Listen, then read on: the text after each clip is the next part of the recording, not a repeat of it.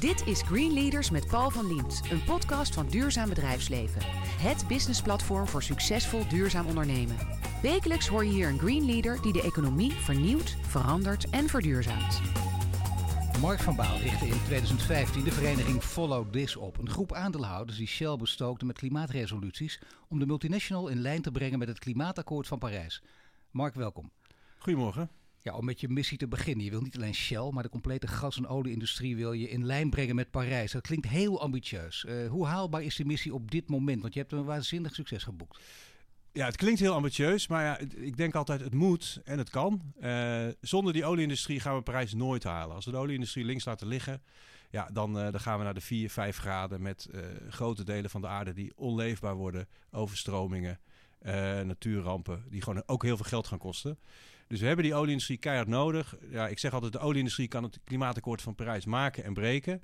En de enige waar die olieindustrie naar luistert, zijn zijn aandeelhouders. Dus ja. die ben ik aan het organiseren, dat die gewoon heel duidelijk tegen alle oliebedrijven zeggen. Je moet je nu committeren aan Parijs. Als je zijn, successen boekt, dan kom je in het nieuws. Dat is uh, ook als, je, als, je, als, als er rampen gebeuren. Maar gelukkig ook als je successen boekt. Dat is jou ook overkomen. Daardoor weet opeens iedereen wat Follow This is. Denk je althans. Maar toch voor degenen die het gemist zouden hebben. Leg nog even uit wat je ooit beoogd hebt met Follow This. Ja, ik, uh, ik ben oud-journalist. Uh, en ik, ik, was eigenlijk energiejournalist. Ik schreef heel, over, heel veel over energie, over, over de bedrijven en klimaatverandering. En ik werd me steeds meer van bewust uh, hoe erg klimaatverandering kan zijn en dat er echt iets op korte termijn moet gebeuren. En ik vroeg dus heel vaak aan oliebedrijven, waaronder Shell natuurlijk, uh, waar ik over schreef van wanneer gaan jullie nou eens een keer je volle gewicht erachter zetten? Jullie hebben die miljarden, jullie hadden de slimste mensen van de universiteiten, jullie kunnen het verschil maken. Uh, en dan was het antwoord altijd eigenlijk ja, dat willen we wel, maar rustig aan en we kijken het nog even aan en bovendien onze aandeelhouders willen dat niet. En toen heb ik eigenlijk bedacht, ja, die aandeelhouders moeten georganiseerd worden. Die, want die willen wel, want het zijn allemaal eh, beleggers die pensioengelden uh, beleggen en die naar de lange termijn kijken. En als je naar de lange termijn kijkt, dan kun je maar één conclusie trekken. En we moeten Parijs halen, want anders worden uh, al die miljarden die wij als pensioenfonds in beheer hebben, die worden waardeloos. Maar dat is heel interessant, hè? Dat is juist ook dat het, het werkt dan echt aan beide kanten. Je maakt het groener en je gaat er geld aan verdienen. Ook als aandeelhouder. Ja, dat klopt. Ik ben er natuurlijk echt vanuit een moreel oogpunt gaan doen. Omdat ik van overtuigd ben dat dit moest gebeuren. Ja, en uh, als journalist heb ik anderen proberen te stimuleren met mijn stukken, maar dat lukte niet. Dus ja, dan moet je. Ik was de enige die zo gek was om het te gaan doen. Nee, want Jos, uh, voor de duidelijkheid, hè, dan een, een, een, actiejournalist mag je het noemen. Daar wordt ook vaak wel eens wat kritisch naar gekeken. Maar toch, ook als je dat bent, kun je weinig bereiken, denk je. Nou, sommigen wel. Er zijn natuurlijk hele invloedrijke journalisten. Ik was dat niet. Um, en actiejournalist vind ik niet helemaal het goede woord. Ik, ik schreef zowel over fossiel als duurzaam. En, um, maar ik was er wel steeds meer van overtuigd dat er echt wat moest gebeuren. Nee, maar en, toch was het wel interessant dat in de journalistiek gebeurt ook van alles leuk. Uh, om dat misschien ook even te zeggen. Hoe noem je het dan? Sommige mensen noemen dat constructieve journalistiek. Sommige mensen noemen dat oplossingsgerichte journalistiek. Ja, laat, het laat ik het constructieve journalistiek noemen. Of veranderingsjournalistiek. Uh, transparantiejournalistiek. Ik bedoel, ik denk dat het gewoon heel belangrijk is dat de journalistiek zichtbaar maakt wat die grote bedrijven doen, wat ze van plan zijn. En wat die pensioenfondsen doen en wat ze van plan zijn. Uh, daarmee creëer je verandering uh, als journalist. Maar nog meer verandering creëer je met het oprichten van een groep als Follow This. En daar is het wel mooi, hè? vaak tegen de stroom in. Mensen denken, waar is hij mee bezig? Maar jij wist vanaf het begin af aan waar je mee bezig was. En dan nog uh, biedt dat geen garanties. Maar je hebt dubbel en dwars gelijk gekregen. Want dat is er uiteindelijk gebeurd. Nou, uiteindelijk is een heel groot deel van de aandeelhouders, uh, 6%, dat klinkt heel weinig. Maar in die wereld is dat enorm. Uh, normaal gesproken stemt 99,9% met het bestuur mee. Het is gewoon een Noord-Koreaanse uitslag zo, op zo'n aandeelhoudersvergadering. Op het moment dat er dan een aandeelhouder van buiten komt die iets op de agenda zet. Uh, en dan gaan 6% daarvoor stemmen en nog eens een keer 7% gaan zich onthouden. Dat betekent dus dat het bestuur 13% van zijn aandeelhouders niet meer achter zich heeft. Dat is gewoon een heel sterk signaal dat er echt iets moet gebeuren. En daar heeft Shell op gereageerd. En, en, Shell is het eerste olie- en gasbedrijf in de wereld met een klimaatambitie. En ook het allereerste olie- en gasbedrijf dat verantwoordelijkheid heeft genomen voor de uitzet van zijn producten. En daar hebben dus die klimaatrevoluties, uh, resoluties die jij altijd op de aandeelhoudersvergadering indient, hebben daar wel degelijk toe bijgedragen. Want inderdaad, ja. hè, die 6% wordt vaak onderschat, je krijgt er enorme invloed mee. Je krijgt er heel veel invloed mee. Uh, mijn grote voorbeeld was uh, de ABN AMRO case, de Children ja. Investment Fund. Ja. 2007 geloof ik. 2007. Ja. Ja, dat was een activistische aandeelhouder met een hele lieve naam, de Children Investment Fund. Maar die waren natuurlijk hartstikke agressief. En die wilden op hele korte termijn heel veel geld verdienen. En, en die hebben toen ABN AMRO met 1% van de aandelen in beweging gekregen, in drie stukken gekregen. Maar denk je, nooit had ik ook maar die geldambitie gehad in plaats van die morele ambitie? uh, nee, nee, anders, ik denk echt als ik, een, een als ik een financiële ambitie had gehad, dan, dan, uh, dan had ik een heel ander leven geleid, zeg maar. En, uh, ja. um, ik ben heel tevreden met, met het leven dat ik nu, nu leid. En, en ik hou er ook nog wel wat geld aan over. Uh, maar ik word er geen miljonair mee, maar dat, uh, dat hoeft ook niet. Daar komen we zo uh, nog over te spreken. Want geld doet er toch ook toe, hè? maar dat doen we straks pas. Maar het gaat eerst over follow this. Uiteindelijk wil je dus nog meer successen boeken. En het gekke is dat het grootste succes bestaat eruit uit de aankondiging dat je dit jaar geen resolutie gaat indienen op de aandeelhoudersvergadering. Dus je doet iets niet en daarmee boek je succes. Dat moet je ook even uitleggen. Ja, nou, het was heel opvallend dat dat, dat heel... Ja, een vriend van mij die, die mailde van... Nou, nu, nu uh, ben je echt belangrijk. Nu kom je in het nieuws omdat je iets niet doet. Um, ja, we hebben die resolutie ingetrokken dit jaar. En dat hebben we gedaan omdat uh, zes van de tien grootste beleggers in Nederland ons dat adviseerden.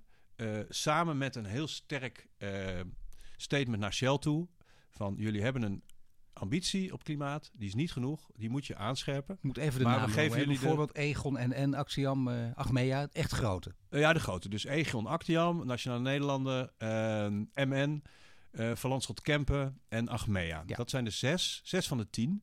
Uh, als je gewoon de tien grootste beleggers in Nederland uh, hebt. Die hebben allemaal over tientallen of honderden miljarden hebben ze verantwoordelijkheid. vaak pensioengelden. Nou, die hebben gezegd... wij hebben jou gesteund de afgelopen jaren. Daardoor is Shell in beweging gekomen. Dus dat, dat moet wel even heel duidelijk gezegd worden. Het is niet Follow This die het gedaan heeft. Follow This heeft alleen maar zichtbaar gemaakt dat de Nederlandse beleggers echt verandering willen bij Shell. En niet tevreden zijn over de huidige, de huidige koers. Maar de echte helden van het verhaal zijn natuurlijk die zes die uh, voor die resolutie hebben gestemd. Daar komt, daar komt de verandering vandaan. Ik wil dat wel even. Uh, ja, maar ook weer niet te bescheiden doen. Ik bedoel, kijk, ze hadden dat niet gedaan uh, zonder die, die druk die jij erop gezet hebt. Nee, dat is waar. Wij, wij hebben gewoon natuurlijk heel duidelijk aan die pensioenfondsen gemaakt van jullie moeten nu kleur bekennen. En dat hebben ze gedaan. Maar toch in Nederland, ja, ik wist dat van tevoren niet, anders was ik niet aan begonnen. Is het gewoon heel erg moeilijk om Shell tegen te spreken. Uh, want dan krijg je echt. En dat wist jij niet. Uh, ik ken heel veel mensen die het hebben aan de lijf hebben ondervonden. Als je tegen een grote reus uh, tekeer ja. gaat, is dat heel erg lastig. Ja, maar het is gewoon de normaalste zaak van de wereld dat als jij een prominente positie in Nederland hebt, je bent bijvoorbeeld minister, hoorde ik pas, en je zegt iets kritisch over Shell, dan krijg je s'avonds een telefoontje van de CEO dat dat toch niet de bedoeling is. ja. um, en als je als grote belegger iets kritisch over Shell zegt, dan krijgt jouw baas uh, krijgt een telefoontje uh, van Shell. Ja. Dat, uh, dat het niet de bedoeling nee, is. Het geeft aan de macht is van, van niet alleen Shell, maar sowieso van dit soort hele grote multinationals. Van de grote tech-giganten trouwens ook, maar dat is weer een ander verhaal. Ja, nee, zo'n bedrijf is machtiger dan de meeste overheden. Zeker machtiger dan de Nederlandse overheid. kijk nog maar eens in het regeerakkoord naar de dividendbelasting. Zeker. Daar had niemand om gevraagd. Um, en dat wilde Shell nu leven. Uh, en uiteindelijk, dat is ook nog interessant om te zeggen. De Nederlandse kiezers waren tegen. Daar luisterde Rutte niet naar. Maar pas toen de Britse aandeelhouders zeiden... wij willen helemaal niet dat Unilever naar Rotterdam verhuist. Ja.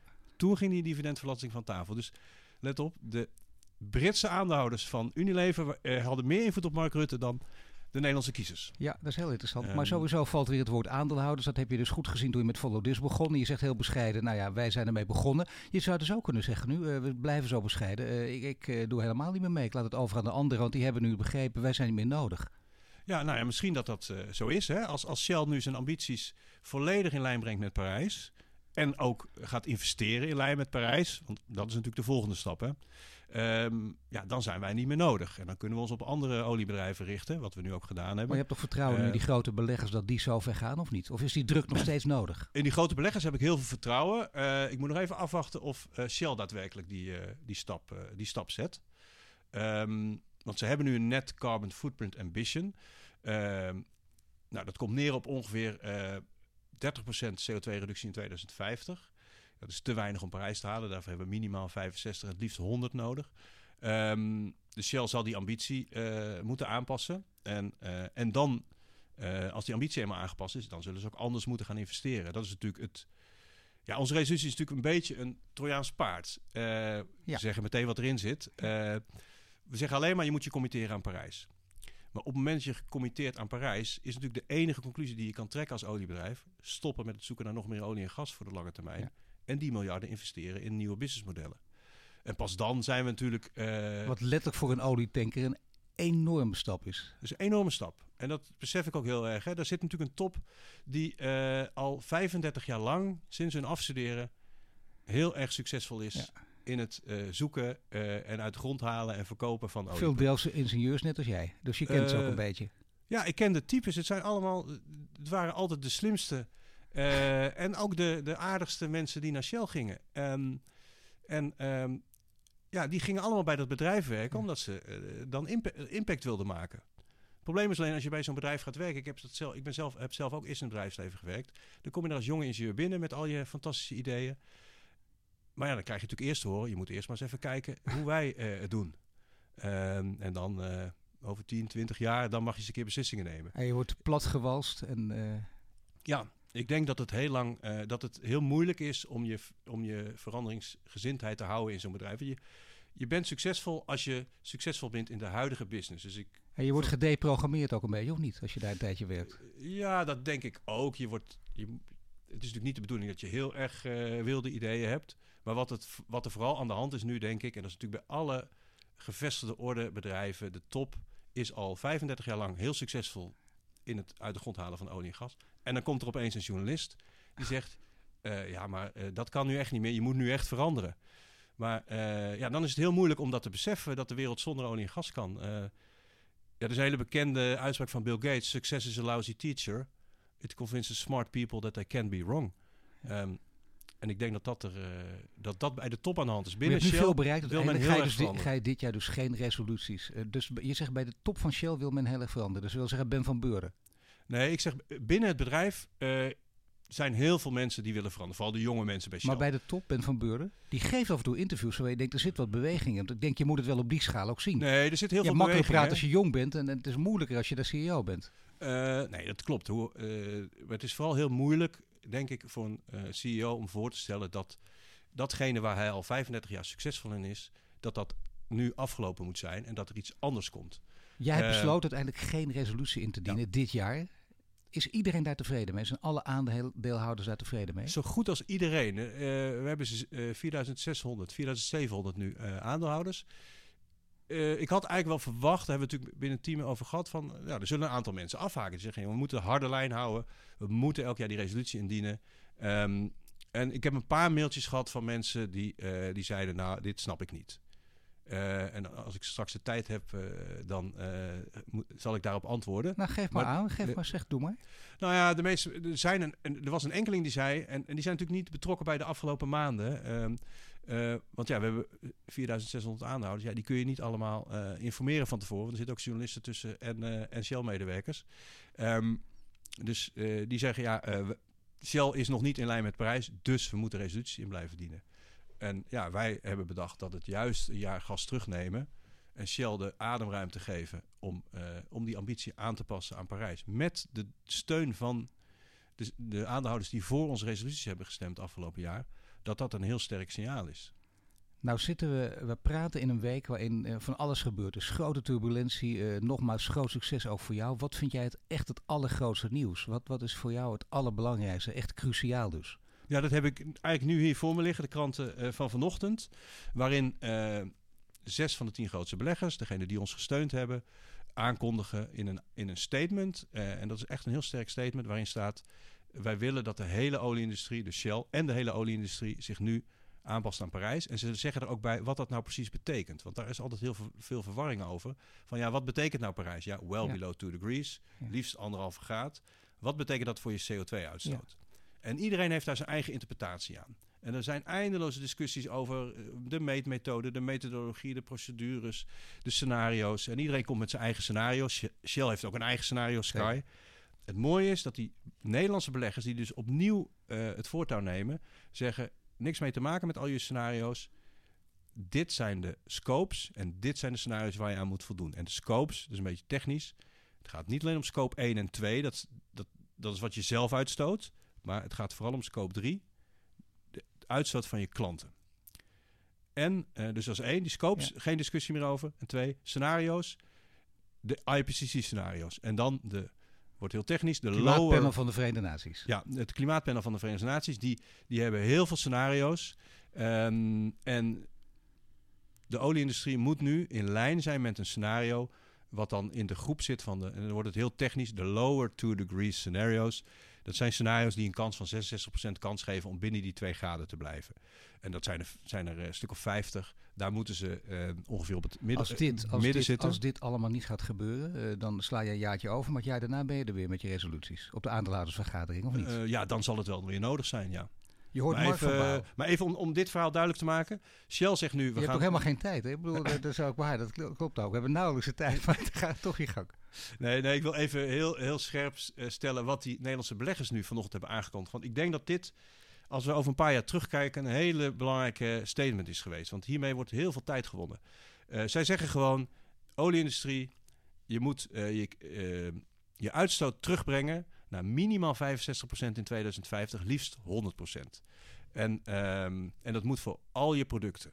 Dus we gaan niet meer met jullie discussiëren over of nou de uitstoot van je klanten er wel bij hoort of niet. Nee, je hoort erbij. En we gaan ook niet meer met jullie discussiëren over uh, welk scenario erbij hoort. Nee, de IPCC-scenario's. En uh, dat betekent dus dat al die oliebedrijven uh, vanaf nu, als ze, als ze dit opvolgen, veel meer moeten gaan investeren in duurzaam. Ik denk dat het een hele belangrijke, heel belangrijk moment is. En dat scheelt een hoop gepolder ook. Je hoort Mark van Baal, oprichter van Follow This. Net spraken we over de uitgesproken missie van Follow This. Zometeen praten we verder over zijn persoonlijke drijfveren.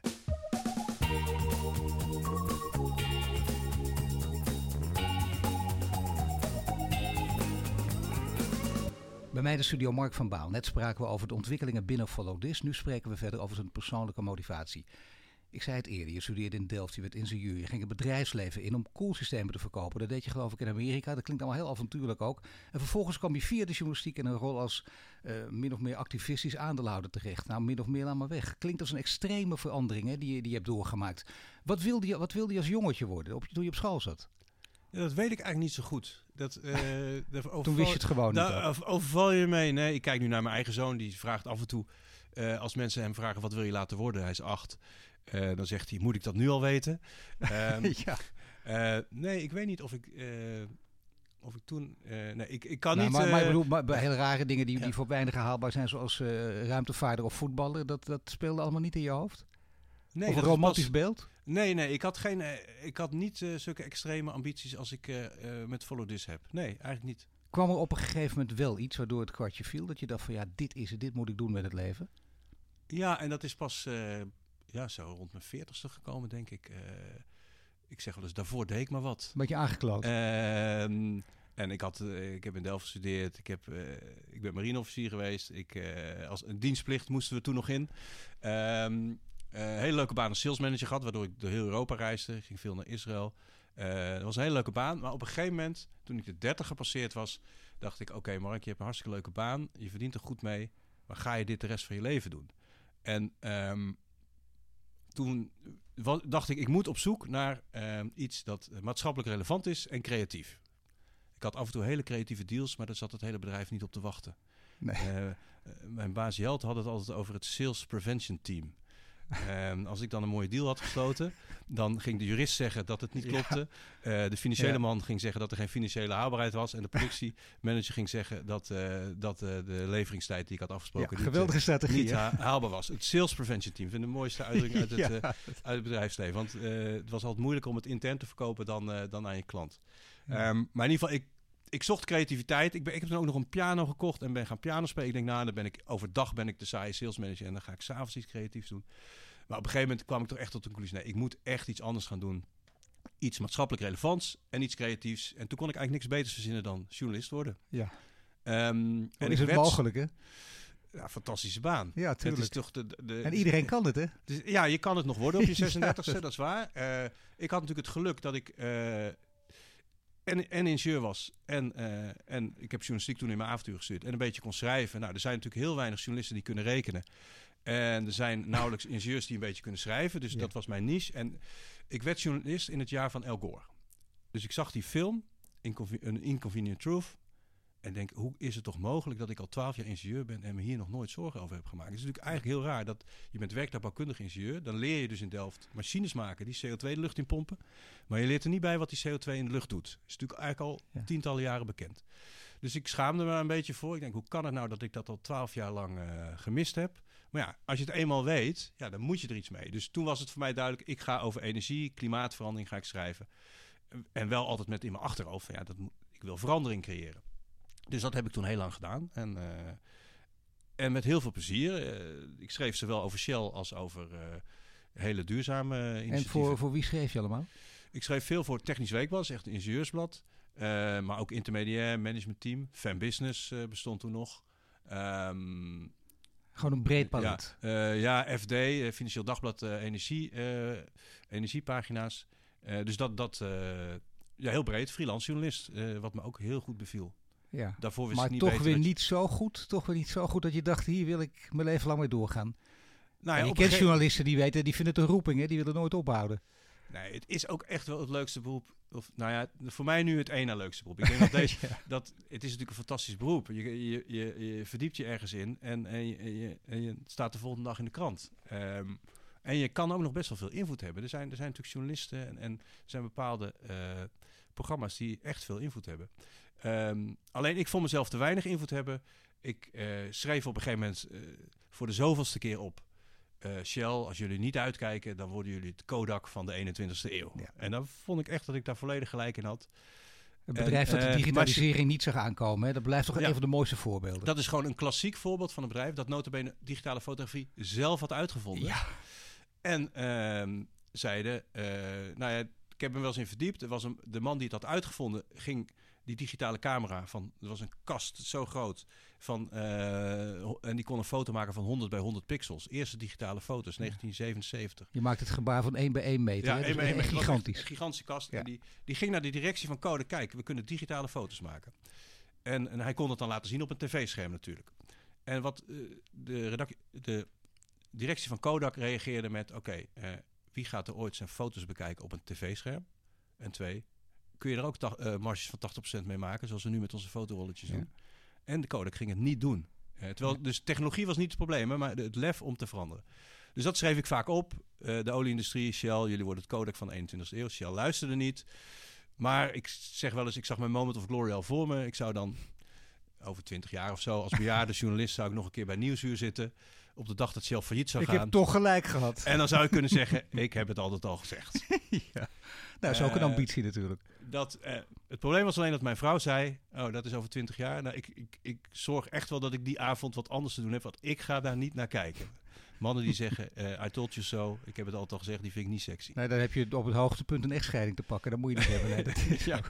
dus, uh, dus mijn vrouw heeft me heel erg in gestimuleerd om, uh, om dit te gaan doen. Ik had dit idee en die, ze zei op een gegeven moment, ze liet me op een gegeven moment een filmpje zien. En, dus ja, even nog terug. Ik had dus het idee van de aandeelhouders, dat zijn de enigen die die, die, die bedrijven uh, tot verandering kunnen, kunnen dwingen. Of steunen, zoals ik het altijd heb genoemd. En toen, uh, ik liep met dat idee rond. Toen liet mijn vrouw me op een gegeven moment een heel bekend internetfilmpje zien. En dat heet um, Leadership Lessons of a Dancing Guy, How to Start a Movement. En dan zie je een heel groot veld met allemaal zittende mensen. En één jongen staat daar te dansen. En het ziet er nogal maf uit. En het, ziet er ook, het duurt pijnlijk lang voordat ook maar één iemand mee gaat doen. Maar op een gegeven moment komen er één of twee mensen bij. Die eh, omhelzen heel erg als van jongens, jullie gaan meedoen. Eh, dat zijn de first followers. Die roepen hun vrienden erbij. En dan, op, nou, en dan opeens in een hele korte tijd staat het hele veld uh, te dansen. En dat zei, uh, dat zei mevrouw dus Marijke tegen me van oké, dit ga je dus doen. Dus dat betekent wel dat je dus de eerste jaar, jaren echt uitgelachen wordt. Uh, je, maar dat is waanzinnig zo'n vrouw, gewoon, die, je zo, die, je, die je zo stimuleert. En dit is de, heel goed voor. Ze snappen precies wat je, wat je doet en, en wat je als motivatie nodig hebt. Ja, dus om dit te doen moet je heel zichtbaar zijn. Maar dat betekent dus wel dat je in het begin uitgelachen wordt. Uh, want dat heb ik natuurlijk heel vaak gehoord. Van, oh, jij wilt Shell veranderen? Ja, en dan krijg je een hele sympathieke glimlach. Ja. En dan zeiden de mensen, eh, dat is een nobel streven. Met andere woorden, droom lekker verder. Ja, dus dromen, de muis en de olifant, natuurlijk. Ja, ja maar uh, en dit is, dit is wat je eigenlijk... Ja, dit, dit, ik geef natuurlijk als lezingen en dan wordt gevraagd van... ja, wat, wat heb je nog tips voor ons? Ja, het, het belangrijkste is gewoon zichtbaar zijn. Um, want wij moesten op een gegeven moment 5 miljoen euro bij elkaar hebben... om die resolutie daadwerkelijk in te dienen. Ik had flink wat mensen benaderd waarvan ik wist dat ze geld hadden. En gevraagd, kun je alsjeblieft een half miljoen Shell kopen? Als ik tien van jullie ja. heb, dan kan ik zo'n resolutie indienen. Nou ja, die vonden het een interessant idee. En overlegden met hun bankier en uh, zeiden, nou, ik heb toch andere prioriteiten op dit moment. Pas op het moment dat ze regelmatig in de krant lazen over Follow This, gingen ze me weer mailen. Eh, Mark, ik zie dat je het echt aan... Duncan Stutterheim bijvoorbeeld, die, zei op, die mailde me op een gegeven moment... Mark, ik zie dat je het echt aan het doen bent. Ja. Ehm, Oké, nu ga, hoe kan ik je helpen? Ehm, nou, toen kregen we het voor elkaar om die, eh, eh, om die eh, tien mensen bij elkaar te, te krijgen. Die allemaal een half miljoen Shell kochten. Daar hebben we honderd mensen bijgedaan van, ons, van onszelf. En dan kun je een resolutie indienen. En dan staat het op de agenda. En dan, wordt het serieus en een groot verhaal natuurlijk. En dan eh, gaat je omgeving ook op een andere manier bekijken. Dus als je ook meemaakt in die, die turbulente topweek... waarin je alles aankondigt en grote eh, aandeelhouders eh, meekrijgt... grote beleggers meekrijgt... En, en je ook met een quote op het NOS Journaal komt. Ja, wat gebeurt er altijd met mensen met een quote op het NOS Journaal? Wat, wat gebeurt er met jou? Ja, dan word word je echt serieus genomen. Kijk, ja. Ja. Dat, eh, nou, we waren al eerder in het journaal geweest, maar eh, dit was wel, dit is wel aardig, want dan is, Shell kondigt iets aan en wij reageren daarop. Eh, Maar al die aandacht die je in die ene week samengebald bij elkaar krijgt, leidt die ook tot, tot letterlijk mensen met geld die je gaan steunen en die bij je aankloppen, die nu helemaal zien, die nu de ogen echt geopend zijn? Duncan Sitterheim zag het al eerder, maar zijn er ook anderen die nu pas de ogen open doen? Nou, dus ik, dat hoop ik eigenlijk wel, want eh, we, hebben nu nog, we hebben nu echt wel serieus financiering nodig om, eh, om de volgende stap te maken. Hè. We gaan nu van Shell naar vijf oliebedrijven. Tot nu toe eh, is het gelukt met één iemand die daar dag en nacht mee bezig is en een hele grote groep vrijwilligers. Eh, maar we moeten natuurlijk meer mensen hebben en, en er moeten nu een paar betaalde mensen naast mij kunnen komen. Nou, ik zou bijna zeggen, hier komt natuurlijk ook eh, het, het verhaal van het succes weer in beeld. hè. Want je doet iets, dit is een heel groot succes, maar succes is ook uit te drukken op, op heel veel manieren. Maar ook in, in groei, in geld, in, eh, letterlijk kun je ook overleven. En daar komt ook, denk ik, ook je omgeving, bijvoorbeeld jouw vrouw weer om de hoek kijken. Hoe lang krijg je of hoe lang kun je het uitzingen? Nou, ik heb nu wel een aantal sponsors hoor. Dus ik, kan, eh, ik haal hier zelf al een modaal inkomen uit. En daar, eh, hebben gelukkig op tijd een huis in Amsterdam gekocht. Dus, eh, en mijn vrouw is ook ondernemer, die verdient ook bijna niks. Die, die is een school begonnen. Ehm, want die gaat het onderwijs eh, radicaal veranderen. Kijk eens even, dat is een duo zeg. We hebben jullie altijd een, een interview met z'n tweeën gegeven. En dat zouden we eigenlijk wel eens moeten Oh, nog doen. een keer ja. doen. Nee, Ja, maar echt, dat is heel belangrijk. Dit zijn Nee, ook tijden van maar- ommekeer, dus begrijpelijk. Nee, Marijke ziet echt, die heeft een enorme visie op het onderwijs. En die is met, eh, dat heet het Cabral Instituut hier in Amsterdam, nu nog eh, relatief klein, 12 leerlingen. Laat ze zien hoe het anders kan. Hoe je het onderwijs totaal anders kan inrichten. En heel veel aandacht kan besteden aan talent van leerlingen. Dus als ik, als ik naar mezelf kijk, ik heb heel, ik heb heel veel tijd eh, verspild aan banen waar ik net niet geschikt voor was. Die kinderen krijgen op een achttiende al te horen wat hun talenten, wat hun echte talenten zijn. Niet je bent goed in wiskunde, nee, je bent heel zichtbaar. Of je bent eh, juist eh, behoudings, eh, behoudend of veranderingsgezind. Ehm, de Gallup-test doen ze allemaal bijvoorbeeld. Ja. Maar goed, die, die kinderen die, eh, of leerlingen, die krijgen een diploma en een heel goed inzicht in zichzelf. En eh, nou, die kinderen en die ouders vinden dat fantastisch. Eh, maar dat zou het onderwijs heel erg kunnen Ja, veranderen. jij Dus had dat is, eh, misschien eerder willen weten eh, wat voor duurzaam leiden, want die ben je natuurlijk. Je zit niet van niks bij ons de Green Leaders. En wij maken ook hier in de- deze serie een zoektocht hè, van wat zijn nu die Green Leaders? Wat zijn de momenten van succes? Die hebben dus met geld, met groei te maken, maar nog veel meer natuurlijk met de impact die je kan bereiken. Alles bij elkaar. Hoe zou jij definiëren? Wat, wat is, wat is een, een groene leider? Want je denkt dat er veel van zijn, maar zo gek veel zijn er nog niet in Nederland. Nou, ik denk dat je er geen specifieke talenten voor nodig hebt. Ehm, het compliment dat ik het meeste heb gekregen, vooral in het begin, was: ik bewonder je doorzettingsvermogen. Ehm, en sommige mensen bedoelden daarmee: je hebt gewoon een plaat voor je kop, want dit gaat nooit lukken. Ja. Ehm, Dan denk je weer aan dat filmpje ook. eh, ja, precies. Maar ik denk dat het belangrijkste is dat je een idee hebt en dat je het gewoon domweg gaat doen. Eh, wij organiseren elk jaar een symposium in de Westergasfabriek en het thema is eh, Think Different and Just Do It. En dat heb ik zo gekozen omdat die hele uitspraak van, eh, van Apple altijd, Think Different, of eh, van Steve Jobs, eh, die zegt: Het zijn de mensen die gek genoeg zijn om te denken dat ze de wereld kunnen veranderen, die veranderen de wereld. Nou, ik denk dat dat onvolledig is. Want er zijn zoveel mensen die een Apple computer hebben en af en toe wel een gek idee hebben. Ja. Maar het- volgens mij zijn het de mensen die een goed idee hebben. Maar dat is, niet eens, dat is helemaal niet zo moeilijk. Maar het zijn de mensen die gek genoeg zijn om dat idee te gaan uitvoeren. Tegen beter weten in. En, en tegen de meerderheid van een omgeving die zegt: ja, eh, dat gaat niet lukken. En ook dat groene ideaal moeten hebben, of doet dat er eigenlijk niet toe? Kun je ook zeggen, kun je ook bijvoorbeeld denken, ik heb een heel groot bedrijf, eh, ik wil impact maken en ik merk dat het eh, bijvoorbeeld ook op het gebied van subsidies nog eens wat oplevert. Dat lijkt allemaal heel cynisch, maar je kunt wel degelijk een grote impact hebben op die manier. Of moet je per se ook moreel gedreven zijn?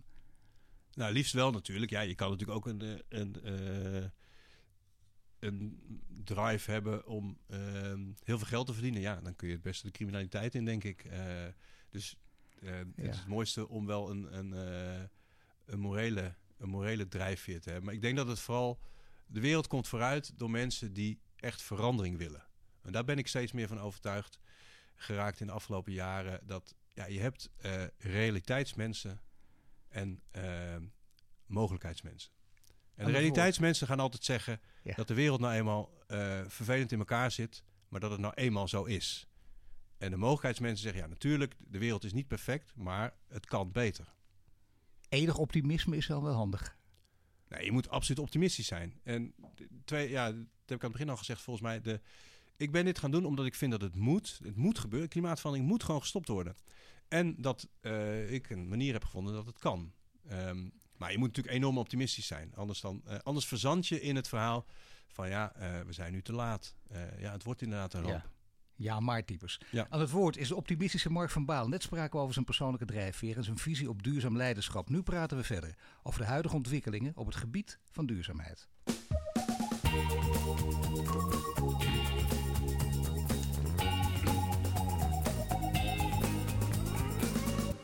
Bij de studio Mark van Baal. Net spraken we over zijn achtergrond. Nu praten we verder over toekomstige ontwikkelingen. Milieudefensie spant een rechtszaak aan tegen Shell om duurzaamheid af te dwingen. Wat vind je van die aanpak? Nou, dus niet, uh, niet onze aanpak. Uh, wij zijn aandeelhouder. Uh, dus wij vinden rechtszaken natuurlijk zonde van het geld. Maar het is wel een manier om ook druk uit te oefenen. Ik heb Tuurlijk, het idee dus dat, dat iedereen... Een manier, maar krijg je daarmee bedrijven ook in beweging? Op deze manier? Nou, ik denk dat ze een hele sterke case hebben. Eh, de case is eigenlijk, uh, jullie veroorzaken gevaar, jullie weten hoe je het op moet lossen. Dan kan de rechter je dwingen om, uh, om actie te, te, ondernemen. Dus het is een hele, ze, ze refereren wel eens naar het kelderluikarrest. Er staat nergens in de wet dat je je kelderluik niet mag open laten staan. Maar er staat wel in de wet dat je anderen niet in gevaar mag brengen. Dus een rechter kan jou dwingen om dat kelderluik te sluiten dat niemand erin valt. En dat is met klimaatverandering precies hetzelfde. Shell heeft een hele grote impact. Alle oliebedrijven hebben een hele grote impact. Die negatief is. Ze weten hoe ze die moeten stoppen. Nou, dan kan een rechter ze dwingen. Ik vind het ook een hele redelijke vraag. Hè. In Amerika zijn heel veel staten en steden zijn nu de olieindustrie aan het aanklagen voor schade. Dat is natuurlijk een hele andere case. Die, wordt, die is nu in eerste instantie afgewezen, maar ik denk dat het nog wel terugkomt. Maar dit is gewoon een heel helder verhaal. Uh, stop klimaat, jullie hebben een belangrijke rol te spelen, die moet je gaan spelen, anders gaat de rechter je Toch zit jij in een andere rol, maar het gaat uiteindelijk ook om impact. Uh, heb je nooit getwijfeld en gedacht, misschien had ik beter deze, eh, deze vorm van strijd kunnen kiezen? Nee, want dit is op, toevallig op mijn pad gekomen en dit past mij blijkbaar goed. Um, en ja, ik ben geen uh, demonstrant, zeg maar. Dus dit past mij heel erg goed. Maar ik heb ook weer heel veel sympathie voor, voor, voor Greenpeace, Milieudefensie, die, die weer een hele andere aanpak hebben. We, hebben, uh, ja, we komen elkaar natuurlijk wel eens tegen. En eh, ik vind het gewoon heel mooi om elkaar te stimuleren. Iedereen heeft zijn eigen aanpak. En iedereen heeft precies hetzelfde einddoel. Dus ook die grote beleggers, hè, die weer, weer wat voorzichtiger moeten zijn dan wij. Maar je ziet uh, vaak toch in, in, in de, de wereld van uh, Milieudefensie Greenpeace ook mensen met een enorme plank voor de kop. Hè. De, geen, geen prettige plank, uh, zodat je denkt, ik wil doorgaan, maar dat je denkt, ja, ik sta op mijn eigen gelijk en ik luister nooit met de tegenargumenten. Ja, dat vind ik wel eigenlijk. Het eigenlijk het verwijt dat ze ook een bedrijfsleven geven, soms ook terecht. Ja, ja, ik vind het eigenlijk wel meevallen. Ik heb in Nederland het idee dat in Nederland, we komen elkaar natuurlijk wel eens tegen, dat iedereen gewoon heel goed op zijn vizier heeft van hier moeten we naartoe. We moeten klimaatverandering stoppen. En we hebben allemaal onze eigen aanpak. En, uh, wat, vindt Milieudefensie, alle... wat vindt Milieudefensie en Greenpeace? Wat vinden ze van jouw aanpak? Nou, Milieudefensie is natuurlijk heel blij met onze resolutie, omdat ze daarmee een heel sterk bewijsstuk in handen hebben. Dus vorig jaar zetten wij simpelweg op de agenda Shell doe mee aan Parijs. En Shell zegt nee. Dat is natuurlijk exhibit E van, die, uh, van die case. Uh, kijk eens, dit is het. je kan wel in de media de hele tijd zeggen dat je Parijs omarmt en dat je wat doet en dat je bomen gaat planten. Maar het enige moment dat je formeel moest reageren was hier. Heb je nee gezegd, unaniem. Hele, dus, dat is een, dus die zijn daarom wel blij met onze case. ja, ik heb het idee dat Greenpeace ook wel goed vindt wat wij doen. Ja, zij vinden, dat wij, zij vinden ons natuurlijk niet hard genoeg. Maar goed, iedereen dat bedoel ik. Dat, nee, maar goed, dat is de discussies. Heb je dan toch ook? En, en, en hebben ze daar gelijk in dat jullie wat harder zouden moeten zijn? Nou ja, wij zijn op deze manier denk ik het effectiefst. Maar zij zijn heel effectief in het zichtbaar maken van uh, wat de olieindustrie doet in Nigeria, in, uh, met teerzanden, uh, met fracken.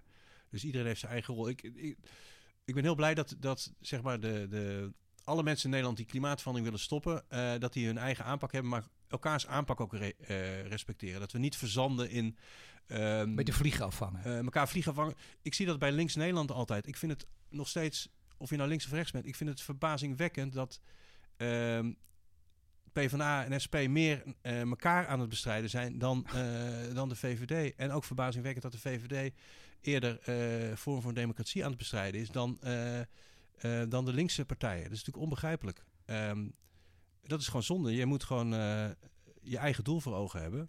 En iedereen die hetzelfde doel heeft, maar een andere tactiek, die, die moet je ondersteunen. Of Jouw doel is de energietransitie. Hè? van wie moet je het, en ik begrijp dat beide partijen nodig zijn, maar met het mes op de keel, wie zou, uh, van wie kun je het meest verwachten uiteindelijk dan? Van het bedrijfsleven of van de overheid? Van het bedrijfsleven. Want die, hebben, die zouden een veel langere termijn, die zouden een veel langere horizon moeten hebben dan, uh, dan de politiek. En over grenzen heen ook. Over grenzen. Ze zijn wereldwijd actief, ze zijn machtiger, maar ze zouden ook uh, veel meer naar generaties moeten kijken in plaats van kwartalen. En daar, moeten de, daar moet de financiële wereld ze heel erg bij helpen. We zijn nu heel erg terechtgekomen in een tijd dat, dat bedrijven naar het volgende kwartaal kijken. Het slaat natuurlijk helemaal nergens op, want de investeringen die Shell doet zijn allemaal voor over tientallen jaren. Nou, laten we even de Anglo-Saxische wereld erbij pakken. Je weet het net zo goed als ik. En daar is het helemaal moeilijk. Maar Paul Polman, jaren geleden, heeft daar toch goed werk verricht. Ja, die heeft, dat heel erg goed, die heeft dat heel erg goed op de kaart gezet. Ja, ja, die heeft dat heel erg goed op de kaart gezet. En, uh, en, en uh, die heeft gewoon heel duidelijk gemaakt aan het bedrijfsleven van uh, er is geen keuze tussen duurzaamheid en, en winst. Het gaat, het gaat heel goed samen. Ja, is hij de enige? Nou, ze zijn wel op één hand te tellen. De, de ja, dat, vind je dat niet raar? Als je ziet hoe lang geleden hij daarmee begonnen is. Dat is ook al meer dan een decennium, decennium terug. Ja. ja, dat is verbazingwekkend. Maar ik denk nog steeds dat het komt omdat... om de top van zo'n bedrijf te halen... moet je toch wel vrij conservatief zijn. En, uh, en dan opeens, als je de macht hebt, als je echt beslissingen kan nemen, moet je het opeens anders gaan doen. Dat is gewoon heel erg moeilijk. Ja, daarom zie je ook vaak als ze terugtreden, dat ze dan opeens met ideeën komen die bijvoorbeeld nauw aansluiten bij wat jij allemaal denkt. Maar dan zijn ze wel teruggetreden en hebben ze alle vrijheid in handen en dan zeggen ze ja, Mark, je hebt toch gelijk gehad. Je ja, kon het toen niet zeggen, dat snap je. Ja, want... Uh, dat is altijd die redenering. Uh, als, ja, dat hoor je ook wel eens. Hè. Als mens ben ik het met je eens. Ja. Uh, maar, maar als, als, als bestuurder moet ik toch andere beslissingen nemen. Interessante scheiding altijd. Ja, Ruud Koornsman zegt dan altijd, daar zijn pillen voor. Ja, ja dat is... Um, maar ja, dat, is, dat, dat, zie je dus heel vaak. Al mensen die in, in zo'n top van zo'n bedrijf, waar je natuurlijk heel veel ja-knikkers om je heen hebt, uh, is het gewoon heel moeilijk om anders te denken. En als je dan inderdaad uh, met pensioen bent uh, en met je kleinkinderen aan het spelen bent en wat meer afstand hebt, dan, dan heb je ook wat meer tijd om na te denken, denk ik. Wat zou er nu moeten gebeuren? Want je zegt, we zijn nu echt in een serieuze transitie. Die is gaande, maar die, die kan nu echt een versnelling krijgen. Omdat je niet alleen Shell aanpakt, maar de hele gas- en olieindustrie. Wat gaat er precies gebeuren? Nou ja, de hele gas- en olieindustrie zal natuurlijk uh, zich moeten committeren aan Parijs. Ja. En Shell heeft een hele grote stap gezet. Um, en de anderen moeten daarin volgen. En dan moet iedereen echt uh, in lijn met Parijs zijn. In maar lijn met Exxon Oil, uh, BP, Total, uh, ja. Chevron, al die grote partijen. Ja. Nou ja, die zijn nog niet zo ver dat ze de verantwoordelijkheid voor de uitstoot van hun producten hebben geaccepteerd. Dat, dat is wel een, een industry leading stap die Shell heeft gezet eind 2017. Nogmaals, nadat een heel flink aantal aandeelhouders onze resolutie zijn gaan steunen, waarin we dat voegen. Shell heeft, uh, zei tot mei 2017, ja, de uitstoot van onze producten, uh, de uitstoot van onze klanten, ja, daar, daar kunnen wij geen verantwoordelijkheid voor nemen. Want ja, wij weten niet wat onze klanten met onze producten doen. Nou, ik heb één keer mijn geduld voor. Ik zeg, jongens, ik denk dat ze het verbranden.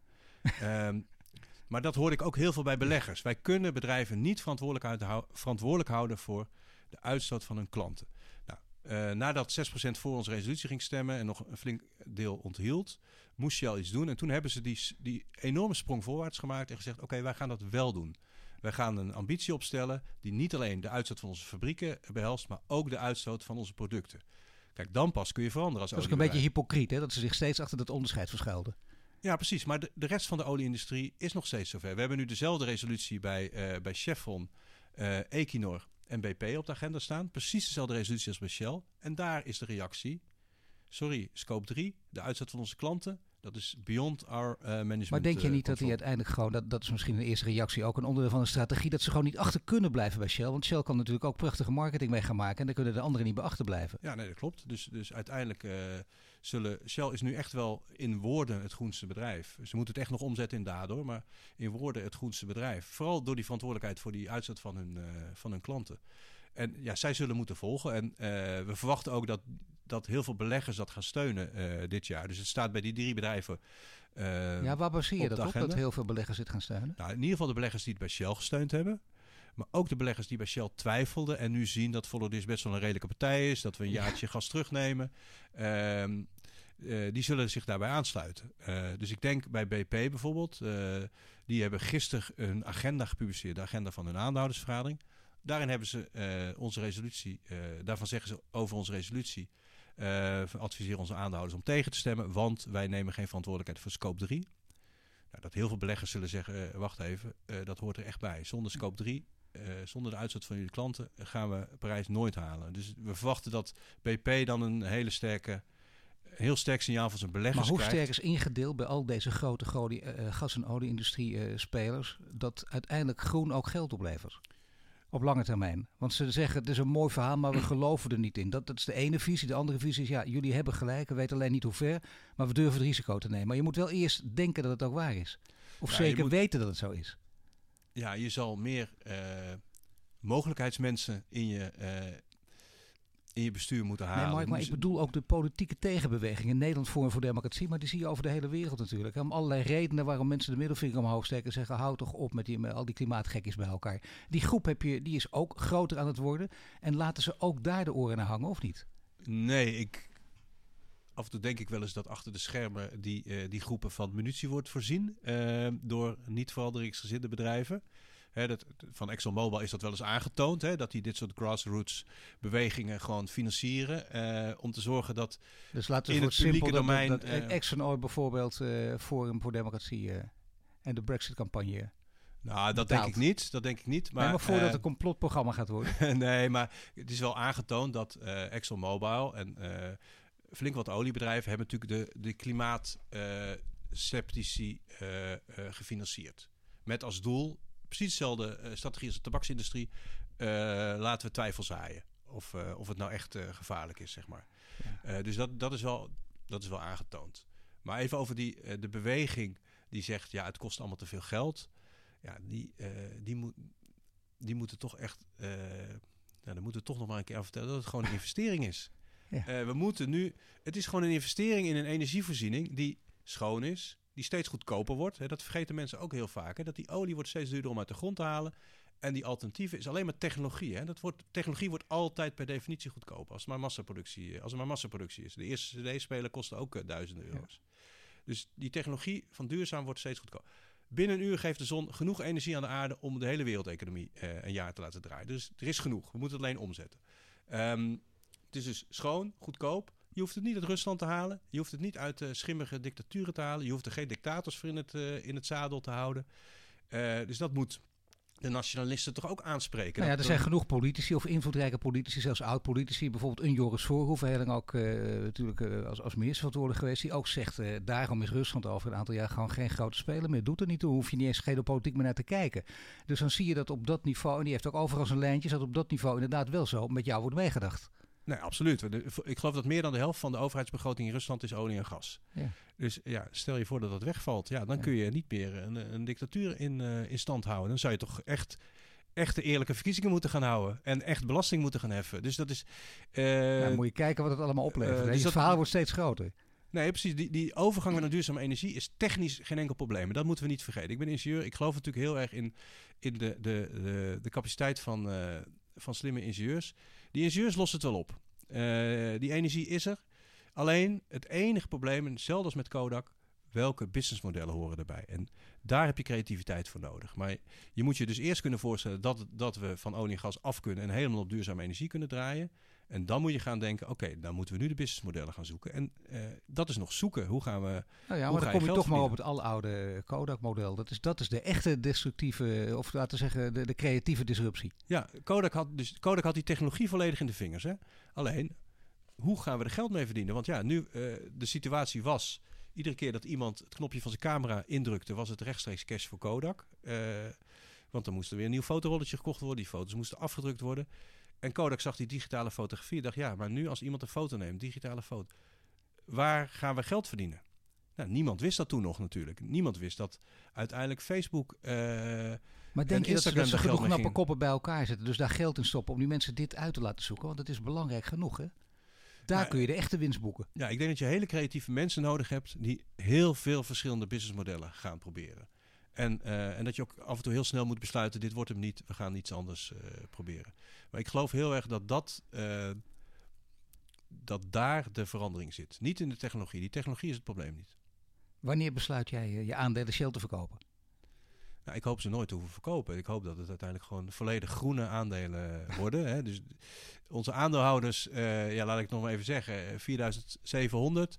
Die hebben allemaal één of meerdere groene aandelen. Die hebben ze of bij ons op onze website gekocht, of eh, hadden ze zelf in portefeuille.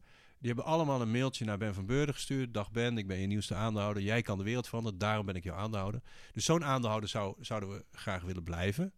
Ehm, ja, er zou een situatie mo- mogen kunnen zijn dat, dat een ander oliebedrijf zo het voortouw neemt dat we die. eh, dat, we, dat we onze aandelen daar naartoe verplaatsen. Ik, ik denk het niet. Ik denk dat Shell eh, echt gaat veranderen. Ze zijn koploper nu, dat moeten ze blijven. Dus zo lang eh, blijven we aandeelhouder. Ehm, maar we zullen ook aandeelhouder moeten worden in die andere. Hè. We zijn dus nu bij Equinor, Chevron en eh, BP ook aandeelhouder. Ehm, en uiteindelijk zullen we het bij meer oliebedrijven op de agenda moeten zetten. Want wat wel gebleken is in de afgelopen jaren, dat die engagement, dus die gesprekken achter de schermen, die leveren alleen resultaat op als het ook één keer per jaar op de aandeelhoudersvergadering heel erg duidelijk is wat nou die keuzes van die grote beleggers zijn. Oké, jij hebt je bestemming gevonden en zij zijn gewaarschuwd. Ik dank je Mark van Baal. Je luistert naar de Green Leaders podcast van Duurzaam Bedrijfsleven. En volgende week zijn we terug met een nieuwe Green Leader. Dit was de Green Leaders podcast voor deze week. Volg onze website voor meer nieuws over succesvol duurzaam ondernemen. Wil je meer afleveringen luisteren? Abonneer je dan nu via iTunes of Spotify en krijg een melding wanneer er een nieuwe podcast online staat.